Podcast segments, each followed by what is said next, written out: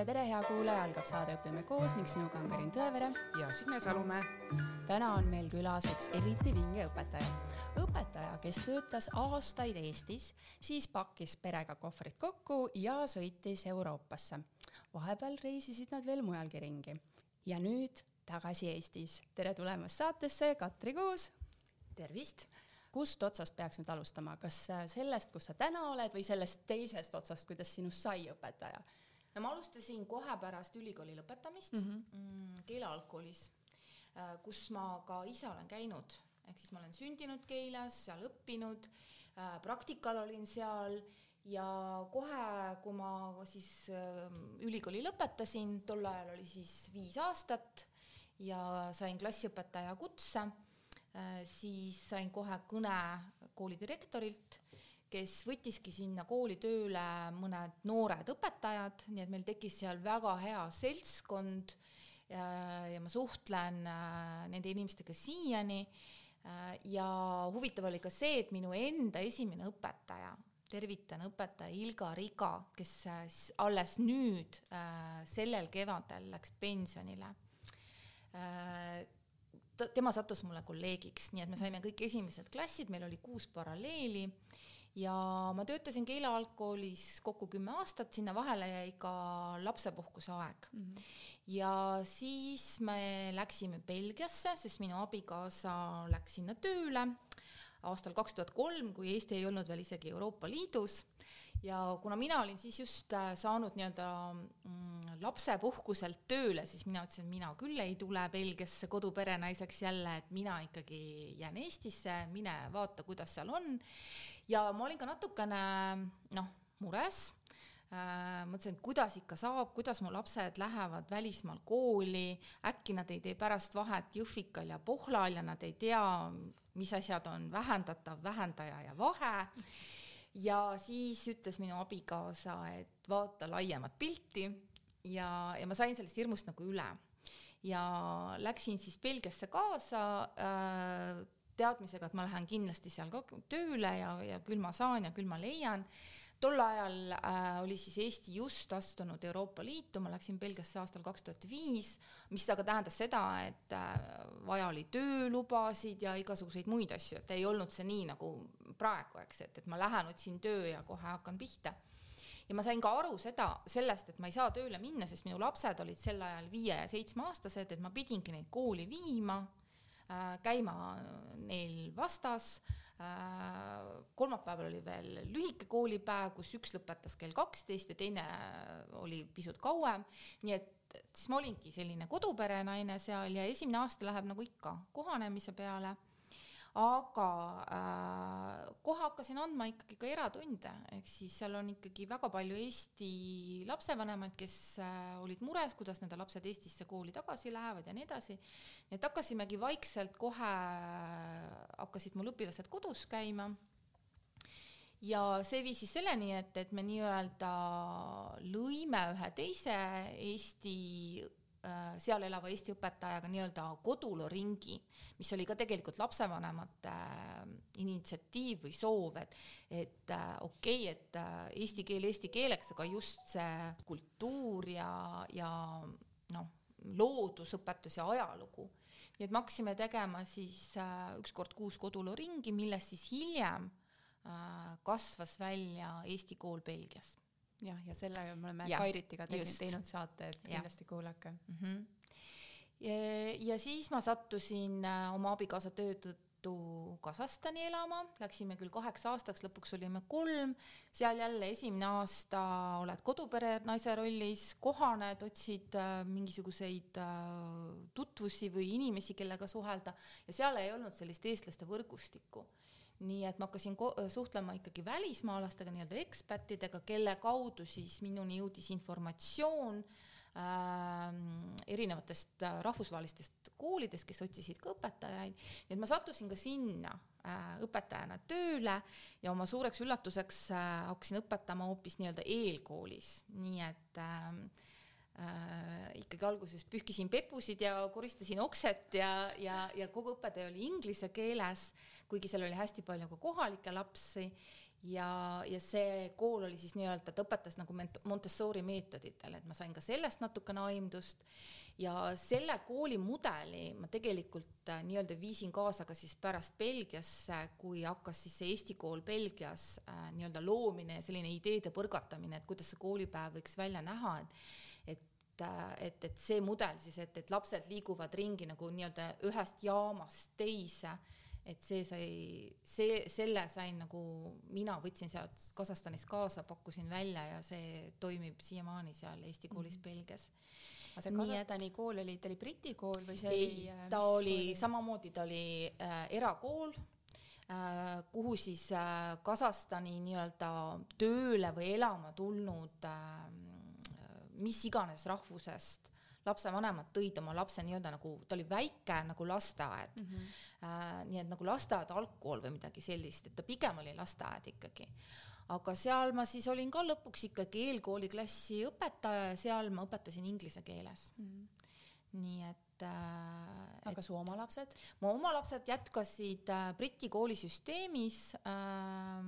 nii et nemad olid siis nii-öelda sellises suures äh, rahvusvahelises koolis mm. -hmm no aga Kasahstan sellel ajal, ma ei ole Kasahstanis käinud, aga endiselt, kui ma mõtlen Kasahstan, siis see on noh, ma mõtlen, et äh, perifeeria oh,. just, et äh, noh, ilmselt pealinn on midagi muud mm, -hmm. kuigi pealinn oli, nad muutsid seda pealinna. et äh, kuigi suur kultuurishokk see oli nagu Eestist Belgiasse, Belgiast Kasahstani. väga suur aga väga huvitav, samamoodi nagu äh, igal sellel nii-öelda esimesel aastal sa ikkagi kohaned Äh, võrdled kogu aeg, kuidas oli eelmises kohas, kõik on halvasti mm -hmm. esimesel aastal äh,, siis äh, mida aeg edasi, seal ma hakkasin hästi palju koh suhtlema kohalikega, siis nii-öelda kolleegidega, kellega ma koos töötasin, leidsin sealt väga häid sõpru äh,, siis äh, ma arvan, et see oli parimaid otsuseid meie elus, mis me tegime, et, äh, et me läksime Kasahstani, ma tahaks sinna kindlasti kunagi uuesti minna äh,, noh, turistina, aga miks mitte ka elama nii et hästi huvitav piirkond, hästi vastuoluline, mm, hästi rikka kultuuriga, ma arvan, et hästi alahinnatud piirkond. Usbekistan, võrratu koht, aga seal on turism on lihtsalt nii lapsekingades, et nad ei oska ennast nii-öelda seal müüa, aga samas selles on jälle oma võlu, sellises metsikuses ja, ja selles on jälle oma võlu, et ei ole kõik nii arendatud ja nii kõik ei ole nii klanitud ja, ja et jälle hästi-hästi huvitav kogemus oli. ja sellest kõigest oled sa ju kirjutanud ka raamatu, et äh, minu Kasahstan asumisele omal soovil. No nii ta oli jah. Nii et asumisele me läksime, noh jälle samamoodi ma läksin hästi suurte eelarvamustega, teades, eks ju, et Kasahstanis olid ju äh, Gulagi vangilaagrid ja nii edasi, nii et mingil määral oli see nii-öelda asu, asumisele saatmine ja meie sõbrad ja tuttavad ikkagi kõik nagu küsisid, et miks te sinna lähete. ja kui me sealt ära tulime, siis kõik ütlesid, noh, miks me teil ikka külas ei käinud seal, et noh, see tulek ja minek ja see kõik nõuab nagu sellist pingutust, aga see on seda väärt. Mm.. nii et oli põnev periood no aga lapsed, selles mõttes, et te olete neid solgutanud siia-tänna, et äh, kuidas sa nagu veensid neid või need on, nad on ka sellised juba sellised multikultuursed mm, -hmm. et kodu on mhm. seal, kus ema ja isa on? no tol ajal, kui me Kasahstani läksime, siis nad olid vist vanuses kaheksa ja kümme, kui ma õigesti mäletan, või midagi taolist. ega neil ei olnud õrna aimugi, kuhu me läheme mm. -hmm. Nad ei teadnud sellest Kasahstanist midagi, nad äh, teadsid, et me sinna läheme, nad olid valmis seda proovima ja neil oli raske alguses vanem tütar jõudis noh, ka sellisesse puberteediikka ja seal oli ikkagi, oli probleeme kohalike lastega, sest noh, seal oli ka, ka sellist äh, tõusiklikkust, kuna tegemist oli kalli Briti erakooliga, siis sinna tuldi siis äh, nii-öelda ennast näitama äh, ja selliseid nii-öelda välismaalasi, see sõprusring oli üsna ahtake, nii et nooremal läks kuidagi lihtsamalt, et äh, sellised mängud, lapsemängud ja nii edasi. nii et me oleksime võib-olla isegi kauem olnud, aga me lubasime oma lastele, et me tuleme ära pärast kolmandat aastat, nii et äh, ja siis sattusime jälle tagasi Belgiasse. Mitte Eestisse? mitte Eestisse.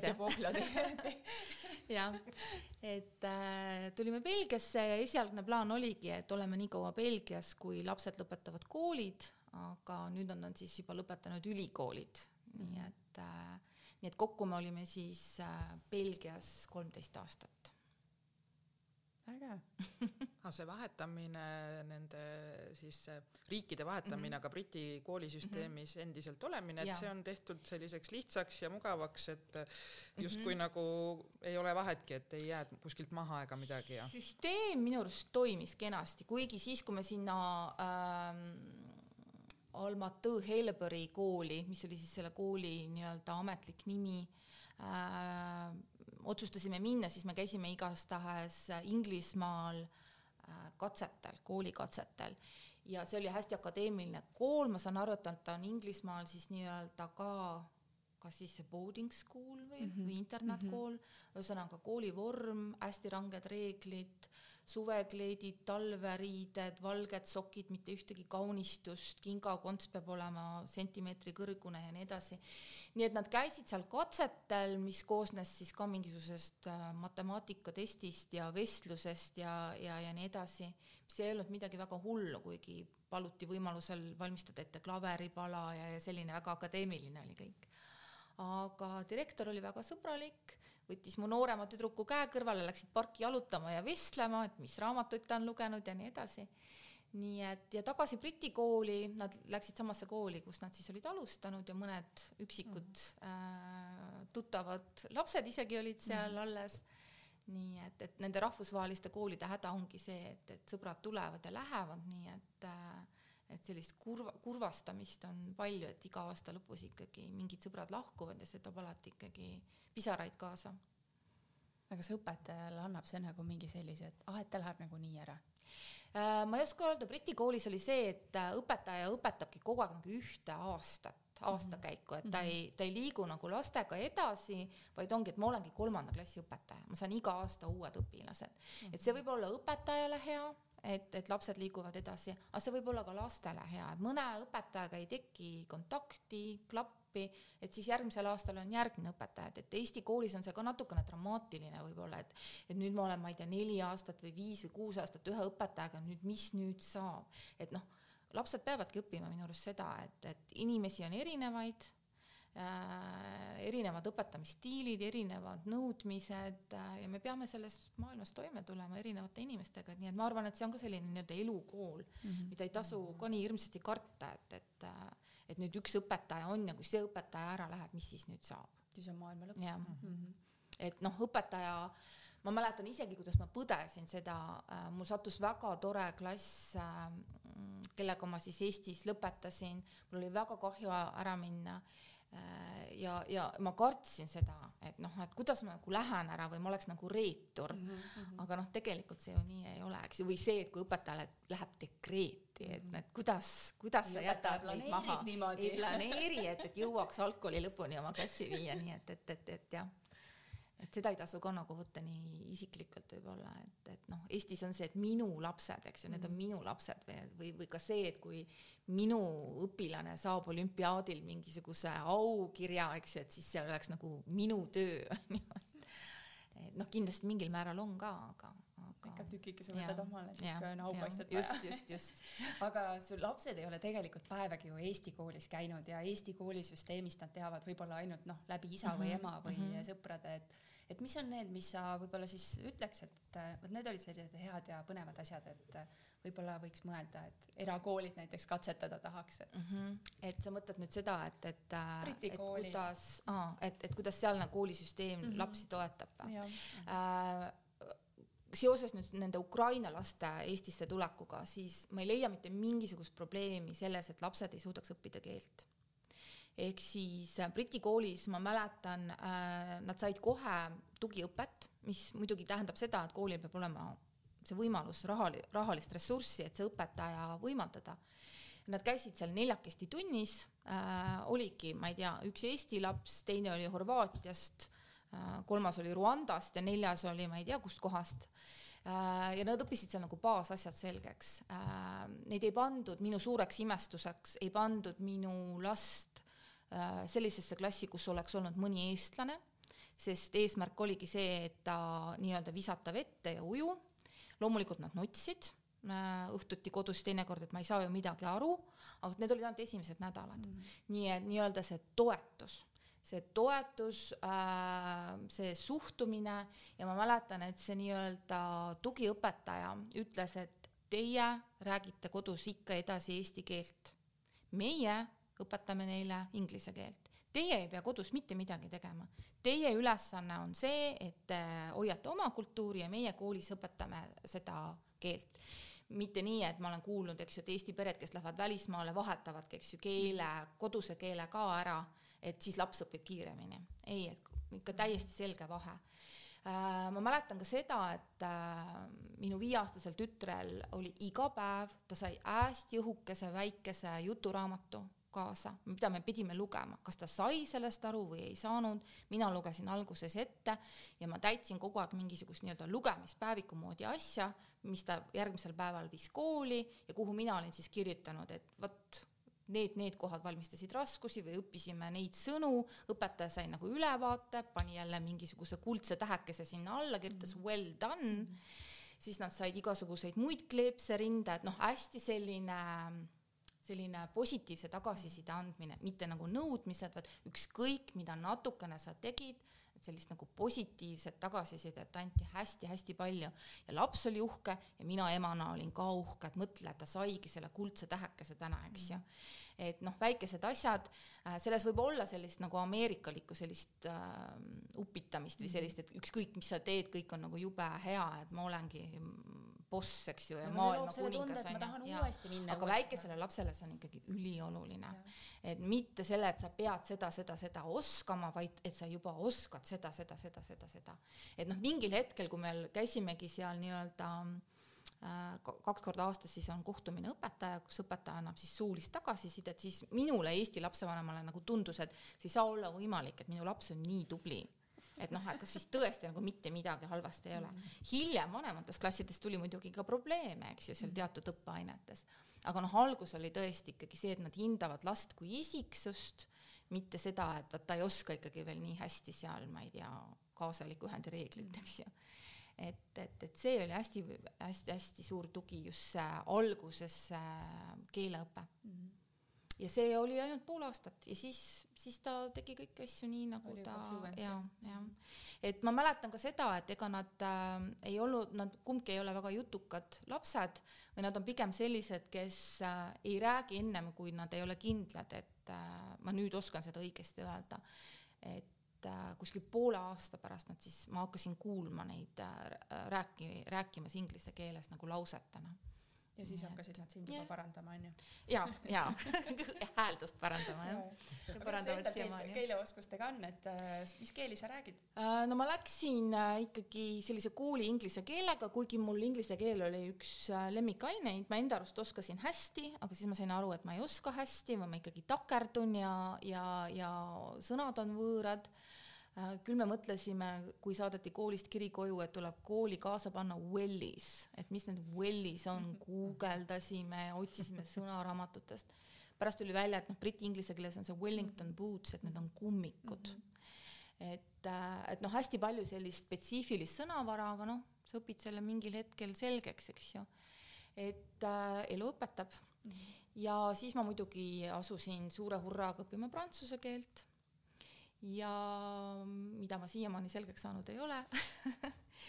Ja kui me Kasahstani läksime, siis äh,, siis ma ju teadsin, et ma oskan vene keelt, aga jälle, kui oli vaja rääkima hakata, siis selgus, et ma ei oska öelda kõige lihtsamaid asju, sest äh, nii pikk periood oli nagu vahele jäänud, et, et äh, sa võisid aru saada, aga, aga sa ei osanud rääkida. Ja siis ma sain ka aru, et ei ole mõtet karta vigu teha, sest mulle sattus üks hästi tore Tšehhi kolleeg kes rääkis, äh, noh, meile tundub, et tšehhi keel ja vene keel on üks ja seesama, tegelikult ei ole mm., kes rääkis hästi julgelt ja hästi valesti ja kõik naersid ja midagi ei juhtunud, siis ma mõtlesin ka, et aga ma räägin samamoodi, et et äh, ja, ja saime ka kenasti hakkama, sest ega Kasahstanis tavainimene või tavapoemüüja inglise keelt ju ei oska. -hmm. nii et sealt tuli ikkagi julgus vene keelt rääkida ja kui ma siis uuesti tagasi Belgiasse tulin, siis ma otsustasin hollandi keele et käsile võtta, et läksin jälle uuesti kursustele, ikka alguses intensiivselt. Äh, ja, ja hollandi keel mulle tundub, et sobib nagu kõige paremini, et noh, prantsuse keelt ma küll üritasin kogu aeg õppida, aga noh, kui ma loen, siis ma saan nagu aru, aga rääkimisest ei tule nagu ikkagi mitte midagi välja, et, et isegi kui ma su-, suudan moodustada mingi lause kuskil kaupluses, siis äh, poemüüja ütleb ikkagi umbes näiteks küsimuse on ju, mida te öelda tahate ja siis minu järgmine küsimus on parlez-vous anglais on ju. et aga hollandi keeles ma nagu tunnen, et ma suutsin isegi mingeid asju ajada ja, ja et hollandi keel on kuidagi sarnane eesti keelele või kuigi mul saksa keele baasi ei ole, et öeldakse, et ta on saksa keelele sarnane. ja nüüd ma tajun, et, et rootsi keeles on hästi palju, et need on sarnased keeled, et et äh, noh, nad on ühest keelerühmast nii et, et rootsi keel ja, ja hollandi keel on hästi sarnased, nii et üks keel viib nagu teiseni. kas rootsi keel oli siis abikaasa mingi töökeel? ei olnud, absoluutselt, abikaasa töö, äh, ei no ma lihtsalt nüüd, kui ma kuulen oh,, okay, kui ma olen kuulnud mingeid rootsikeelseid filme või, või mm -hmm. midagi või, või, või Rootsit külastades, et, et oo, et aga see on sama sõna, on ju, et et, et hakkad nagu tükkidest kokku panema. ja noh, soome keel ka ikkagi, et mm. see on tulnud lapsepõlvest ja soome keelega on samamoodi, et ma võin lugeda ja, ja saan kõigest aru, aga kui on rääkima vaja hakata, siis nagu lööb mingi mm. ploki ette, et mm. kohe ei leia õigeid sõnu. no võta see Tšehhi sõbranna eeskuju täpselt, jah. aga su lapsed nüüd, nende keelte oskus äh,? no lastel on sama, et äh, nad on ikkagi, inglise keel on nende, neil väga tugev mm mõtlevad, äh, ma ei oskagi öelda, kuidas nad mõtlevad, see on minu jaoks siiamaani hästi huvitav teema tegelikult, kuidas inimesed vahetavad keeli.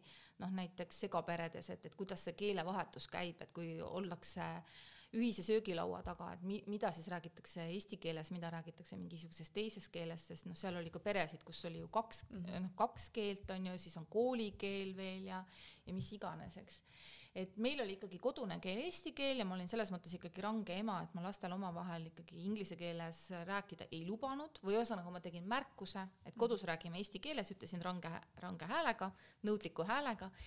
Aga kui nad suuremaks said, siis ma teinekord nagu kuulsin neid rääkimas omavahel seal oma toas, et noh, see oligi, et nad räägivad omavahel inglise keeles siis järgmine lause on näiteks eesti keeles, siis nad räägivad mingil hetkel eesti keeles, siis tuleb jälle mingi inglisekeelne lause ma arvan, et nad absoluutselt ei mõtle selle peale mm. -hmm. Kuigi jah, noh, ikkagi enamasti nad omavahel, ma arvan, et nad praegu, kui nad mõlemad elavad eraldi riikides, kui nad omavahel suhtlevad, siis nad teevad ikkagi seda eesti keeles mm. -hmm. vähemalt su ema süda loodab seda. jah, no igal juhul äh, kui mu tütar mulle kirjutab seal kuskil chatis mm, -hmm. siis ta ütleb, et sa oled ainukene inimene, kellega, kellele kirjutades ma vaatan, et mul oleksid komad. Et ma kasutaksin komasid. Vähemalt eesti keel on neil väga hästi selge siis äh,. ma ei oska, ma ei, ma ei arva, et neil on väga hästi selge, ma olen neid ahistanud küll iga aasta e-etteütluse kirjutamisega. Äh, ja ma vaatan imestusega, et nad kirjutavad ikkagi mingisugusest loomulikust intelligentsist õigesti Mm -hmm. et äh, noh, grammatiliselt õigesti, et noh, loomulikult komad ja sellised asjad äh,, ma ei tea, suured algustähed, mis on praegu niikuinii üks suur segapuder eesti keeles, et seal nad muidugi eksivad või teinekord nad, see lause sõnastus on nii keeruline, nad ei saa aru, mida tahetakse öelda, aga nii-öelda pikad lühikesed häälikud, neil on kuidagi loomulikust intelligentsist paigas mm. -hmm. et see on kuidagi nagu päritav, et mina näiteks ei mäleta, et mul oleks olnud probleeme õigekirjaga või minu abikaasal ja vanem tütar on ka väga suur lugeja, nii et tema loeb hästi palju, noorem mitte, ma ei tea jälle, millest see sõltub, et ühest perest tuleb nii palju eri, noh, nii erinevad äh, äh, lapsed, aga, aga jah äh,, loomulikult on mingisugune väike aktsent juures, ma arvan, et eriti nooremal tütrel, aga noh, nii-öelda ja noh, alati ei tule õige sõna meelde. Aga, aga üldiselt on, on hästi, ma arvan, ja ma arvan, et nad väärtustavad eesti keelt. Mm. -hmm aga mis keeli nad veel, kas seal Briti koolis äh, pidid nad õppima ka mingeid mm -hmm. võõrkeeli juurde? Nad õppisid ka prantsuse keelt äh,, saavad hakkama, hollandi keelt oli võimalik õppida seal, aga hollandi keel tuli siis pärast vanemal tütrel ülikooli ajal, noh, seal elades lihtsalt. ja Kasahstanis nad õppisid vene keelt ja kasahhi keelt ja see vist ongi kõik huvitav, et see kasahhi keel juurde ja, tuli, et noh, et tegelikult neil on ju kaks mm -hmm. ametlikku mhm. keelt, et vene keel, et mm -hmm. noh, et veel kasahhi keel nagu äh, kasahhid äh, avastasid mingil hetkel äh, selle, et seal, seal oli hästi tavaline, et kasahhi pere täis kasahhi pere, nad ei rääkinud kasahhi mhm, keelt mm. -hmm. Nad ei osanud kasahhi keelt, sest kasahhi keel oli kuidagi selline põlualune, nii-öelda nagu kunagi oli eesti keel, selline mm -hmm. matside keel mm. -hmm. et äh, auulides ja seal räägitakse kasahhi keelt, aga linnainimesed rääkisid vene keelt mm. -hmm. nii et kasahhid rääkisid oma lastega kasahhi keelt ja siis mingil hetkel nad siis avastasid, et äh, nüüd võiks teha midagi taolist, nagu Eestis tehti mm -hmm. siin üheksakümnendate alguses, et, et nüüd meil on see äh, eesti keel ja, ja nüüd ongi meil kõik eesti keeles et nad siis hakkasid hirmsasti seda suruma mm, -hmm. seda kasahhi keelt, nii et seal olid ka ikkagi, kõik asjad olid ikkagi kasahhikeelsed tänavanimetused ja, ja venekeelsed ka all, aga jah, siis, siis tuli nagu selline kasahhi keele surumine ja isegi nagu selles rahvusvahelises koolis ma olin sellest alguses väga häiritud, sest nad ei saanud siis õppida prantsuse keelt edasi, pidid -hmm. õppima seda kasahhi keelt, aga noh, samas oli see jälle ka põnev kogemus, nii mhm. et et mu abikaasa räägib siiamaani seda, kui nad käisid ähm, jalgpallimatšil, kus siis mängisid Inglismaa ja Kasahstan.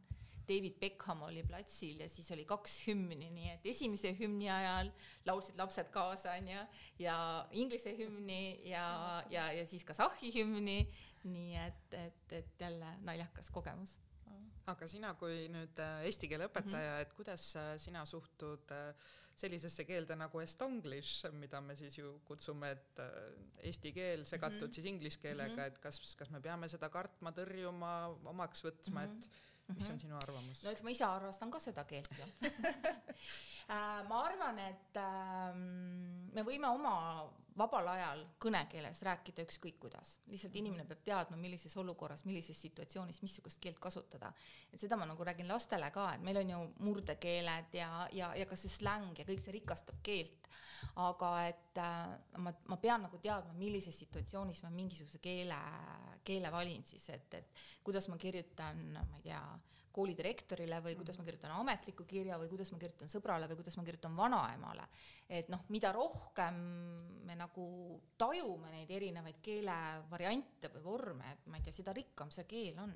lihtsalt ma pean teadma, no see on nagu ropendamisega, et me kõik teame rumalaid mm. sõnu, aga ma pean teadma, millises olukorras ma neid kasutan või, või millises situatsioonis nii et äh, jah, ma ei arva, et me peaks kohutavalt halama kogu aeg selle üle, et, et, et oi-oi-oi, et, et kõik läheb käest ära, et noh, keel ongi muutumises.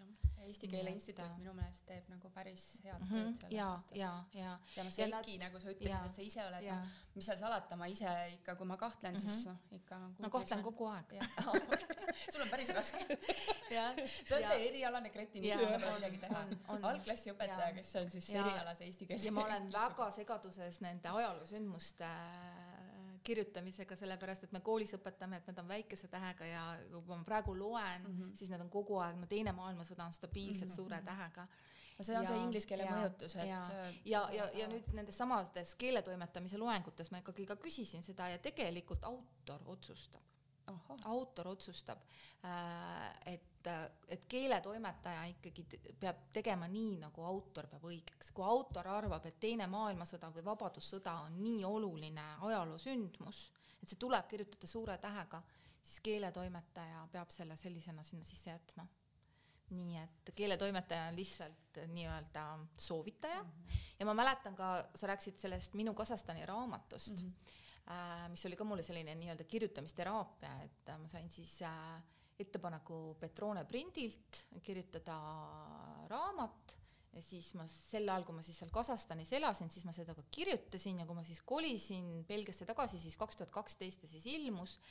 Ja sel ajal ma ei olnud veel nii-öelda peast eesti keele õpetaja. Äh, ja ma mäletan, et mul, oli ka seal toimetajaga äh, probleeme, et, et mina olin koolis õppinud, eks ju, sedasama, et ajaloosündmused on suure tähega, aga siis oli see reegel just muutunud ja kuidas me vaidlesime mm. -hmm. ma mõtlesin, mis mõttes nagu pronksiöö äh, väikese tähega. -hmm. ja ega tavainimene ei teagi ja nüüd ma olen aru saanud, et on õige kirjutada nii, nagu sina oled koolis -hmm. õppinud mm. -hmm. nii et ma ütlen oma õpilastele ka, et kui sinu ema kirjutab nii, siis see on õige, kas sina äh, õpid nüüd äh, nende uusimate reeglite mm -hmm. järgi ja pead teadma, et on väikese tähega mm. -hmm nii et, aga see tekitab segadust, kui on selliseid äh, liiga vabaks lastud, et võib mm -hmm. nii ja naa, et, et pigem või noh, need jutumärgid samamoodi, eks ju mm et, et me kõik kirjutame, tahaks kirjutada, eks ju, need ajalehtede, ajakirjade pealkirjad jutumärkidesse, aga nüüd enam ei ole, on ju. nii et, et, et see on ka nagu põhi, põhieksimise koht, nii et no nüüd meil on Eestis on äh, väga palju ukrainlasi mm -hmm. ja sul on ju tegelikult väga suur kogemus selles, et kuidas õpetada eesti mm -hmm. lapsi äh, välismaal, et mm, -hmm. et kui sa nüüd mõtled äh, nende Ukraina laste peale, et mm -hmm. milline oleks parim viis nendele Äh, no kõige lihtsam on lasteaias mm, -hmm. nii et selles mõttes ma imestan, et siiamaani ei ole veel seda ikkagi sisse viidud, seda eestikeelset alusharidust nendes mm -hmm. lasteaedades, et see oleks nagu nii lihtne. mul on endal kogem-, kogemus sealsamas Kasahstanist, kus tuleb klassi tuli väike Türgi tüdruk, kes ei räägi ei sõnagi inglise keelt, ei, või saksa poiss või, või vene keelt, eks ju. ta rääkis oma keelt. Ja alguses on raske. Nutavad seal ja me ei saa mitte midagi aru ka, mis tal häda on, on ju. Päev-päevalt edasi, sa räägid nendega rahulikult selles inglise keeles, lihtsate fraasidega, talle need kinnistuvad ja need saavad selgeks ja kevadel ta on mingisuguses näidendis, esitab mingit rolli mm -hmm. inglise keeles mm. -hmm. no vaata ja imesta mm. -hmm. nii et äh, see ei ole, see ei ole mingisugune, ma ei tea, mis imeasi aga sul on vaja lihtsalt kannatlikku meelt ja järjepidevust ja, ja sa oledki ja see teeb õpetaja ka leidlikuks nii et noh, lasteaias läbi mängu see, see on, ma, ma ei usu, et see on mingisugune kaalamurdev ülesanne mm. -hmm. samas muidugi, kui on palju äh, ühte keelt rääkivaid lapsi ühes lasteaiarühmas, siis nad hakkavad omavahel rääkima äh, selles keeles ja sellepärast, ja siis ma sain aru, miks minu laps tõsteti sellesse klassi, kus ei olnud ühtegi eesti keelt käivat õpilast, kuigi paralleelklassis oli kaks poissi mm -hmm. ja kes aeg-ajalt kutsuti tõlkima, kui oli noh, tõesti mingisugune arusaamatus mm. -hmm aga just, et äh, sa oled üksi seal, kogu aeg nagu lindistad, fikseerid ja saad hakkama mm. -hmm no see Eesti haridusmaastiku, see, et siin elavad venelased eesti keelt mm -hmm. ei omanda või et see mm -hmm. ei mhm. ole olnud Eesti riigi jaoks senini endiselt mm -hmm. prioriteet, no see on täiesti omaette teema mm, -hmm. sellest ma aru ei saa ausalt mm -hmm. öeldes, et, et kes seda võtit kinni hoiab mm, -hmm. et või noh, kes need valija hääled ilmselt on nii tugevad vist, et aga noh, sinna me ei lasku. ma võin ka siia no, kommentaariks öelda selle, et, et välismaal elades hakkasin mina aru saama väga, eriti Belgias elades, miks siinsed venelased ei ole seda keelt õppinud. No., miks mina siiamaani prantsuse keelt ei oska, elades kolmteist aastat keelekeskkonnas, sest meil oli suurepärane eestlaskond seal, kellel on äh, teatriõhtud, kontserdid, spordiklubid, treenerid, kõikide el elualade esindajad, välja arvatud juuksur, oli meil olemas sa, sa, sa, sa olidki selles Eesti mullis ja sul ei olnudki vaja mm -hmm. suhelda kohalikega. nii no, et, et venelaste samamoodi. sa ju, nad ju panid Euroopa kooli. jaa, sest neil ei olnud, noh, nad olid Briti koolis, sest noh, neil ei olnud teist varianti. noh, nad pidid minema Briti kooli, nad pidid hakkama inglise keeles õppima, sest neil ei olnud teist varianti, aga minul oli variant. Kellega ma suhtlen kas ma suhtlen kohaliku naabrinaisega või on mul Eesti sõbranna, eks, kellega minna aega veetma. loomulikult ma valisin selle Eesti sõbranna sest ega need äh, kohalikud elanikud, noh, nad on viisakad, nad teretavad, räägivad kaks sõna juttu, aga nad teavad, et sa lähed kolme aasta pärast minema, ega nad ei hakka sellesse suhtesse seal midagi panustama.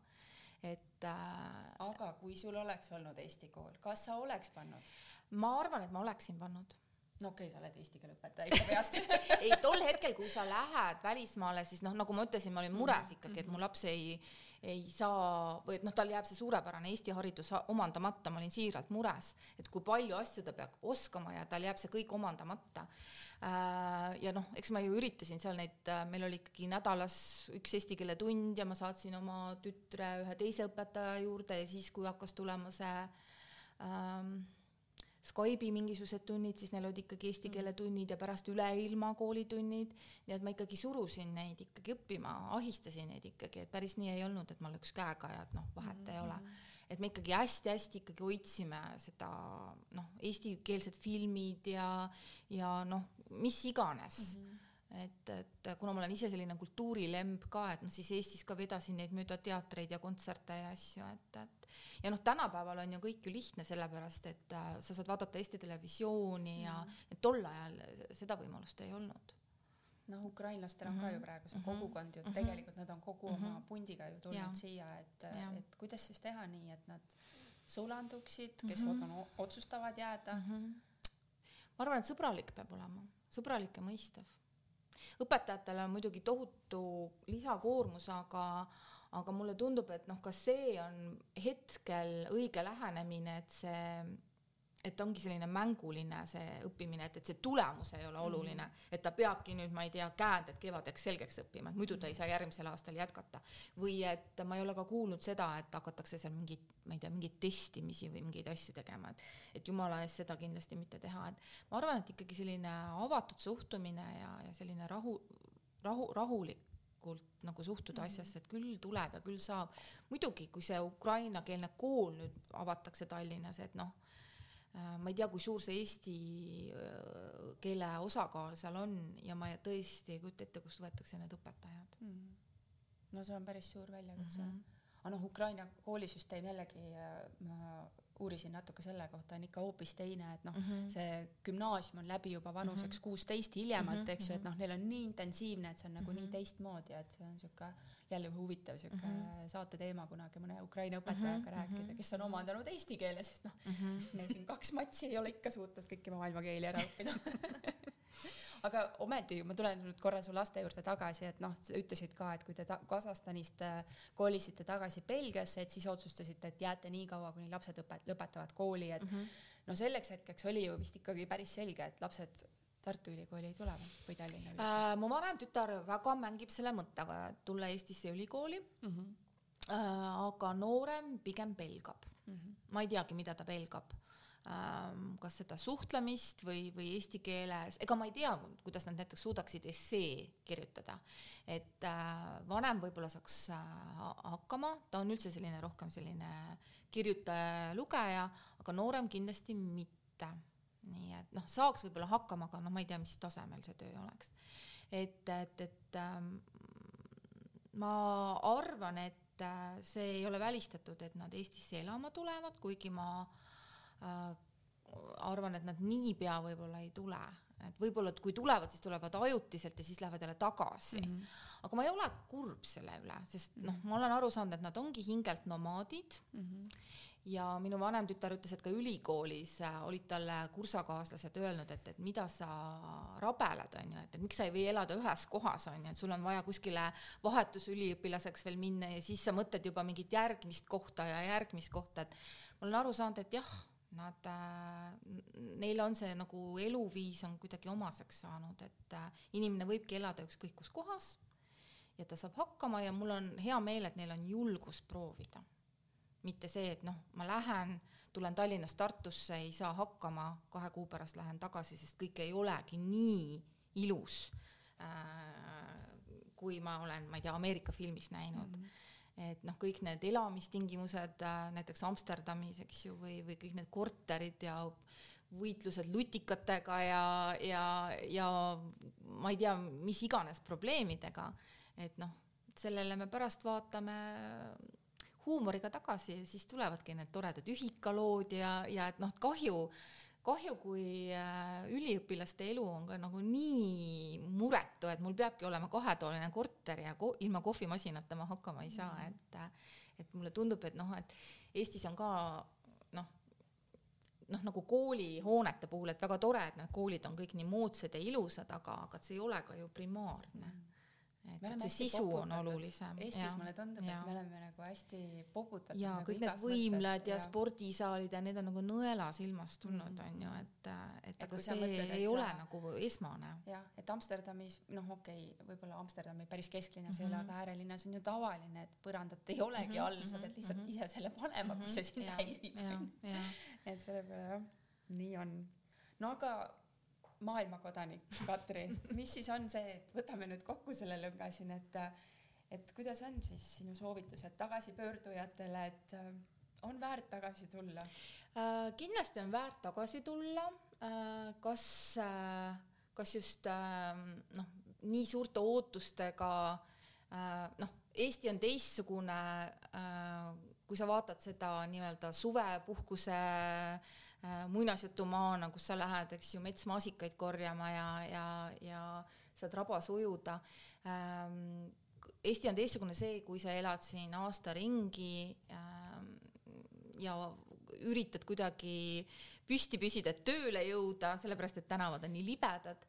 Ähm, mul oli väga nii-öelda südantkosutav avastada uuesti aastaajad ma ei mäleta, millal ma viimati sinililli korjasin või viibelehti, et meil on ka väike maakodu ja iga nädal sa käisid seal ja mingid uued lilled olid sinililled, nurmenukud, viibelehed.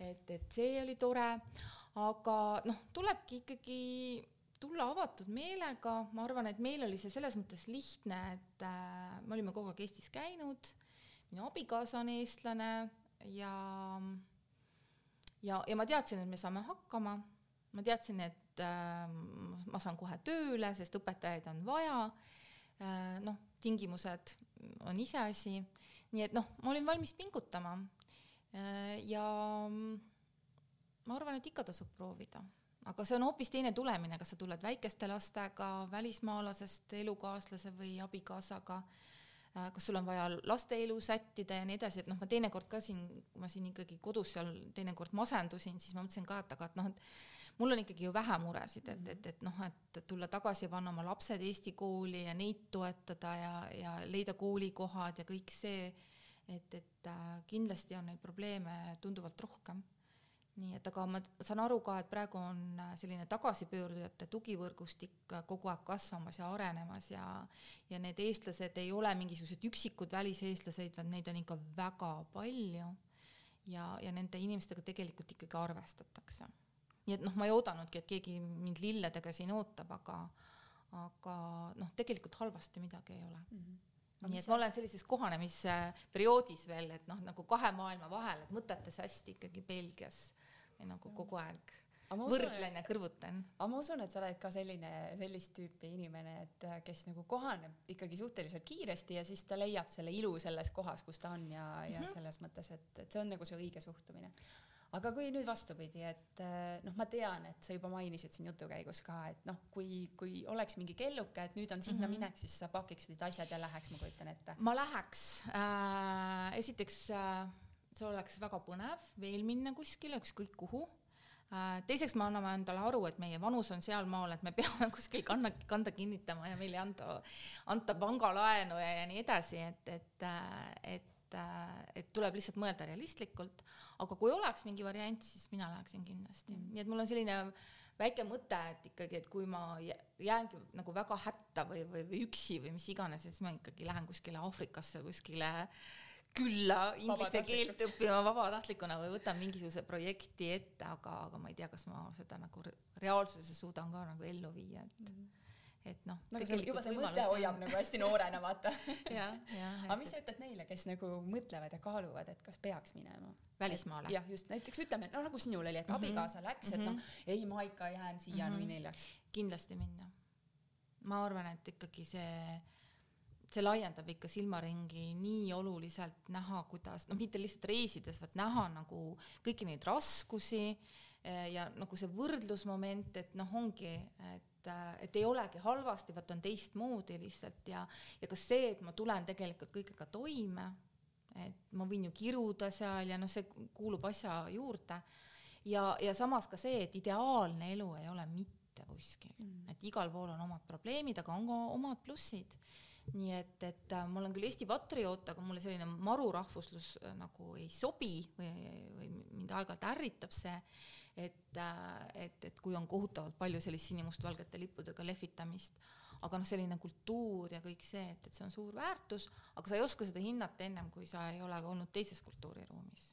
nii et ma arvan, et kindlasti tasub minna, kui võimalus on. Ja ma olen aru saanud, et võimalusi on tänapäeval rohkelt aga nüüd, äh, kui mõtled just, et äh, mõni noor äh, õpetaja või ka kogenud mm -hmm. õpetaja, kellel võib-olla tihti on mm -hmm. hirm, et aga ma oskangi ju ainult õpetada mm -hmm. ja seal ma ei saa oma emakeeles mm -hmm. töötada näiteks, et. jaa, sellega oli ka see lugu, et kui ma Kasahstani läksin, siis ma lugesin ühte raamatut, mis oli mulle väga suureks trööstiks ja mille pealkiri mulle praegu ei meenu ähm, mis rääkiski ka nendest nii-öelda kaasaskantavatest abikaasadest mm, -hmm. eks ju, kes järgnevad oma, oma mehele töö tõttu ja kes peavad igas, igas riigis nii-öelda nullist alustama, et mees läheb tööle mm, -hmm. aga sinul ei ole ju nagu mitte midagi. ja seal raamatus oli huvitav lause, et äh, mitte kunagi ei jää hätta meditsiinitöötajad juuksurid ja õpetajad, kes leiavad endale igal pool töö. ja siis ma mõtlesin ka, et kas noh, okei okay,, et kui ma olen inglisekeelne õpetaja et siis muidugi igal pool on õpetajaid mm -hmm. vaja. aga et eesti keele õpetajal, et noh, see ei ole võimalik, nii et noh, selles mõttes, et äh, see Belgias õpetamise võimalus oli lihtsalt ideaalne lahendus minu jaoks. et äh, aga noh, kui sul on õpetaja kutse olemas ja sa räägid ka keelt, eks ju, et siis mm -hmm. on mhm. võimalik leida endale tööd, et tegelikult see vastab tõele, et õpetajaid on igal pool vaja, mis omakorda pani mind nagu mõtlema sellele, et tegelikult Eesti õpetajatel ongi ikkagi väga vähe neid karjääri nii-öelda võimalusi või see motivatsioon, ma ei tea, kui paljudel õpetajatelt, õpetajatel, kes armastavad õpetamist, on motivatsioon saada näiteks õppealajuhatajaks minul näiteks sellist motivatsiooni ei ole või saada koolidirektoriks, sest see on hoopis teine ja. töö. et sul ei, sul ongi nagu lagi ees, sul ei ole nagu mitte kuskile minna ja ka kasvõi selle palga suhtes, et kõik saavad nagu ühe puuga, ükskõik, oled sa noor või vana või vanasti oli mingi staaži lugemine mm., seda ka enam ei ole, eks ju. ja sul ei ole nagu kuskile minna, sest kõikides koolides on üks ja seesama äh, palgatase äh, ja, ja nüüd on, eks ju, siis tekkinud võimalus minna Euroopa kooli või siis ma saan aru, eks ju, et Rocca al Mares on, eks ju, Rocca al Mare koolil on Hispaanias seal mingisugune Juba, võimalus, eks ju. sulgesid. sulgesid mm -hmm. või? seda ma ei teadnud. huvitav, miks siis? nüüd on seal ise õppekeskus, kuula meie saadet. õppekeskus ise jah ja. aa, väga huvitav. võib-olla see võiks olla võimalus et äh, ja, et, et noh, seda valikut on ikkagi nagu vähe mm, -hmm. et nagu kuhu edasi pürgida või, või ma ei tea, kas see, kui ma olen äh, Prantsuse lütseumis eesti keele õpetaja, kas see on karjääri tipp? et äh, ma ei tea. või mitte. ma ei ütle midagi et noh, et, et või, või see, kui ma saan haridusministeeriumisse ametnikuks, et kas see on karjääri tipp õpetajal, et noh, tegelikult ei ole väga palju neid välja mm. või noh, mingeid arengu mingisuguseid suundi või, või noh, tõesti see võib-olla, et ma hakkan ise mingit kooli tegema, aga mm aga kui sa ei ole nagu, mina olen seda tüüpi õpetaja, kellele meeldib nagu nii-öelda tundi anda või see tunni protsess mm, -hmm. mitte selline urgunnimine. nii et ähm, noh, Eestimaa mõttes... õpib ja tänab on sinu see ja, ja see on ka veel üks fenomen äh,, mis mind natukene häirib, ma saan aru, et teie saite tunnustatud oh,, aga mulle tundub, et Eestimaal toimub nonstop mingisugune nii-öelda konkurss mm, -hmm. kogu aeg mingi parim õpetaja, parim kool, et et kuidas seda nagu üldse välja selgitatakse, et kas mingisugune ametnike armee on, kes siis töötab läbi mingisugused paberid või käib neid õpetajaid koolis vaatamas või et mina tunnistan, mind on aeg-ajalt häirinud see, et, et noh, et väga paljud õpetajad on väga tublid, on ju, aga miks teda ei tunnustata? aga tead, äh, vastus on, äh, tunnustatakse neid, kellel on mm -hmm. kõige parem kirjutaja olnud, vaata mm, -hmm. ma arvan mm. -hmm. et, et see on siis nagu mingisugune, ma ei tea re, re, reklaamis kinni või? ma ei tea et kuidas sind nagu on äh, osatud siis mm. välja mängida, et, et jah, et, et noh, nii palju, kui mina olen jälginud, kogu aeg on nagu, et kui palju selle peale nagu läheb mingit mm. ressurssi ja ja, ja aega ja, ja kes selle väljaselgitamistööga kõik tegelevad, et kes on siis tänavu kõige parem klassiõpetaja. sinna meie see raha lähebki, need silmamisrahad. et noh, need on lihtsalt need mõtted, mida ma olen nagu mõelnud mm, -hmm. eks ju, et, et, et kuidas need konkursid toimuvad no meil on ka siin omaette konkurss mm, -hmm. vaata selline Õpime koos saatesse mm -hmm. saavad ikkagi kõige ägedamad õpetajad ei siiralt, et äh, ma ütlen ausalt, et äh, Katri, et äh, sina oled minu jaoks küll nagu suur eeskuju olnud, et ma olen täielik luuser nagu selles mõttes, et mul, ma olen nüüd viiendat aastat Belgiasse onju ja ma ei ole midagi nagu saavutanud et äh, müts maha, super oled. aitäh, aitäh äh,, võtan kõik tänu või kiidusõnad tänutundes vastu ja, ja väike õlalepatsutus on hästi oluline, midagi ei ole teha, on, aitäh kutsumast. aitäh sulle, Katri, ja tuult tiibadesse ja anna teada siis, kui oled kuskil uuel mandril hoiame sidet. Teile ka kõike head, oli väga tore. järgmise korrani. Kuulmiseni. head aega. kui sinagi said koos meiega täna uusi mõtteid ja inspiratsiooni, siis anna taskuhäälingule hoogu juurde. likei, kommenteeri ja jaga meie saateid sotsiaalmeedias. õpime koos